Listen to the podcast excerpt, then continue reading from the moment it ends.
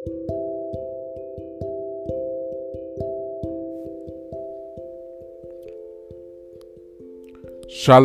Bapak Ibu, saudara-saudari yang kasih di dalam nama Tuhan Yesus. Kembali lagi kita bertemu dalam seri firman Tuhan dari kitab Yesaya.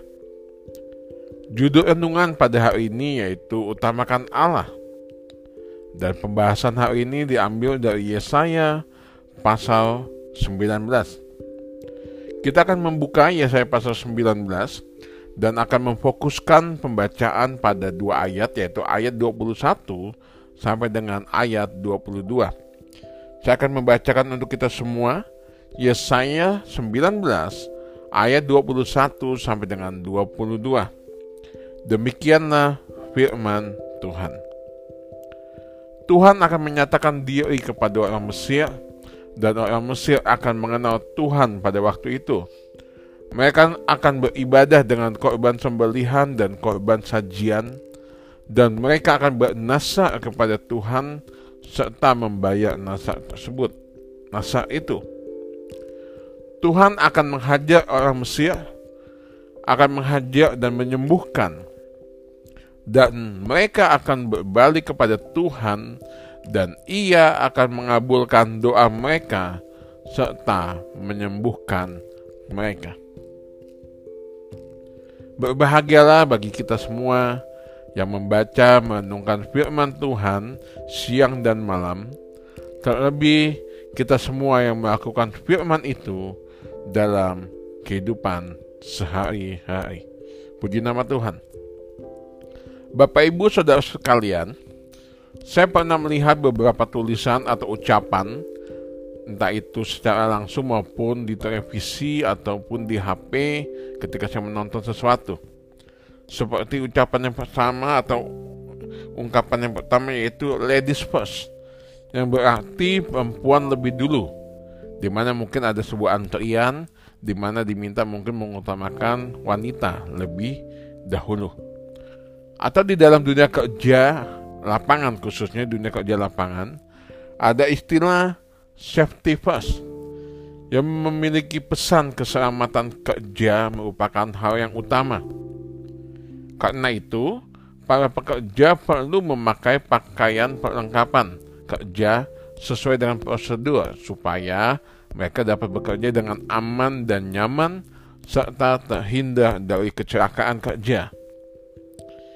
Istilah lain juga saya temukan dalam dunia olahraga seperti fair play first yang berarti mengutamakan sportivitas dalam olahraga.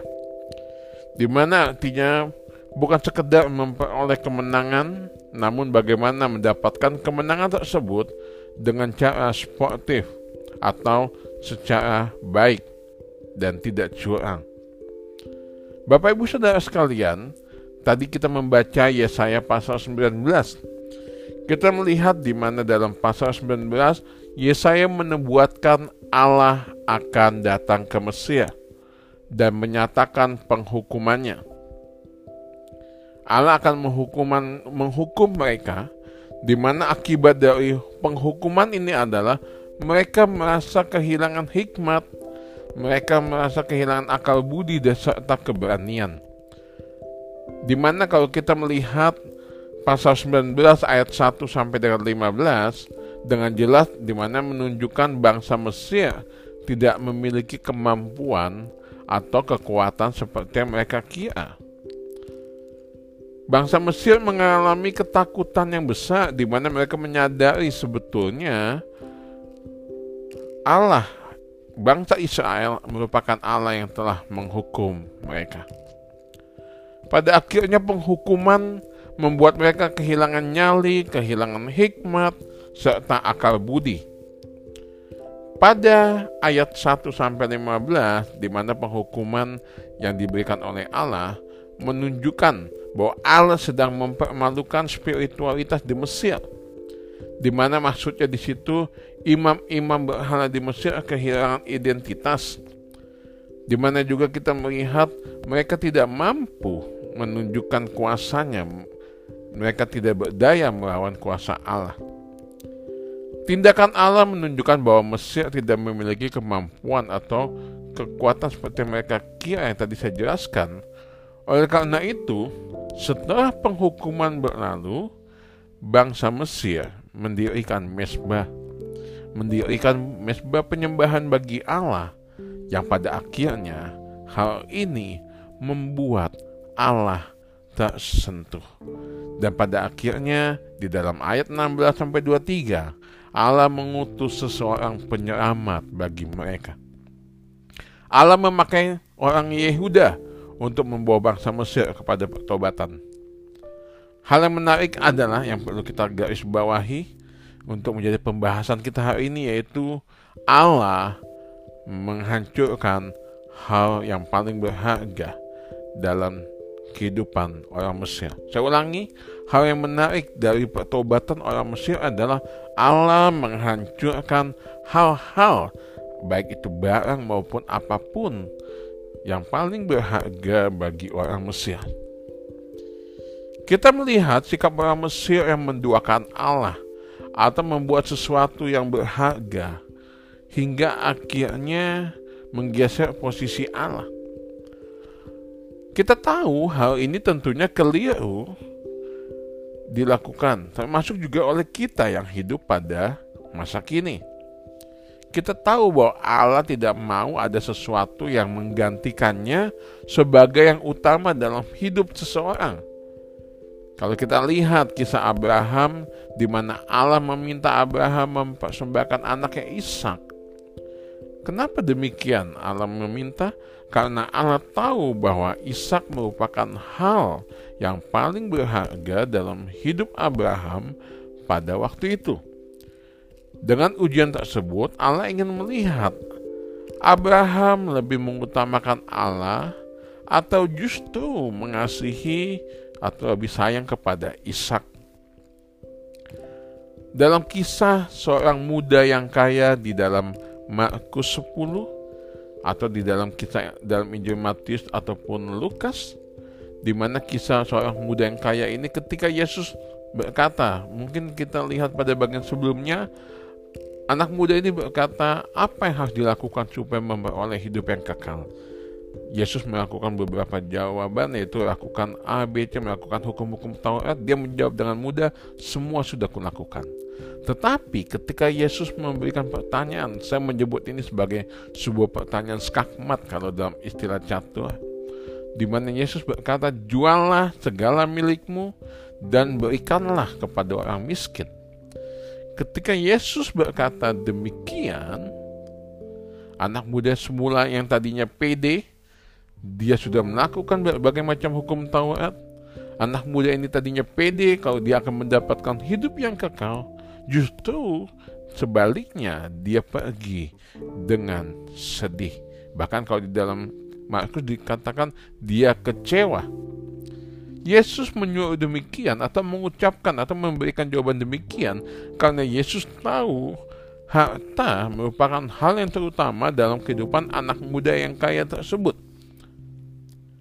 Bapak Ibu Saudara sekalian dikasih oleh Tuhan, dalam kehidupan kita pada masa kini, tanpa disadari ada sesuatu yang menurut kita sangat berharga.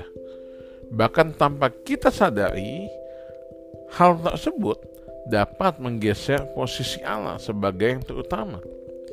Kita tahu dalam hidup kita, Tuhan Yesus, Allah harus sebagai yang nomor satu. Namun ada hal-hal lain yang menggeser posisi Allah. Contohnya harta, jabatan, keluarga, dan lainnya. Saya katakan tidak masalah hidup kita diberkati dengan harta benda. Namun jangan sampai, ini yang harus jadi awasan, jangan sampai harta tersebut membuat kita dapat berpikir, saya bisa melakukan segala-galanya. Jangan sampai gara-gara harta benda kita lupa berdoa dan kita lupa atau yang lebih parah, jangan sampai kita merasa saya tidak butuh lagi Tuhan. Ini sangat bahaya. Kenapa? Seringkali yang terjadi orang kalau sudah atau lagi banyak duit, lagi banyak hartanya, lagi senang hidupnya, orang suka lupa Tuhan. Tapi coba kalau lagi kesulitan, uang nggak ada, mungkin juga cicilan menumpuk, hutang mungkin di mana-mana, atau mungkin ada masalah yang lain, coba deh, pasti yang dicari siapa? Tuhan. Mungkin dia baca firman, dia rajin gereja, rajin komsel, rajin melakukan ibadah, bahkan juga doa dan puasa. Yang hal tersebut sebelumnya mungkin tidak pernah dia lakukan.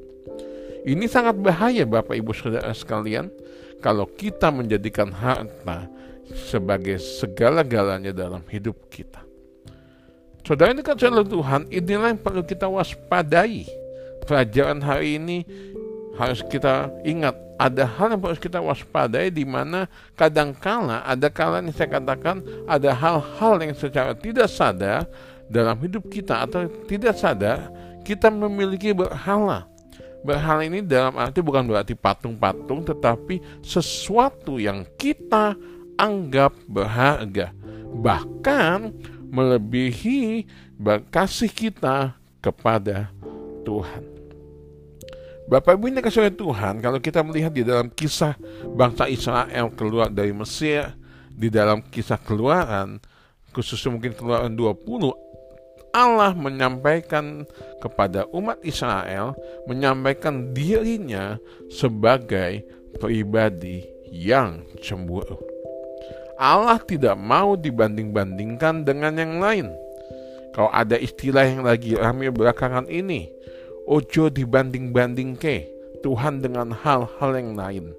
Jangan membanding-bandingkan atau kita mungkin tidak membandingkan, tetapi jangan sampai ada sesuatu yang menggeser Tuhan dari hidup kita.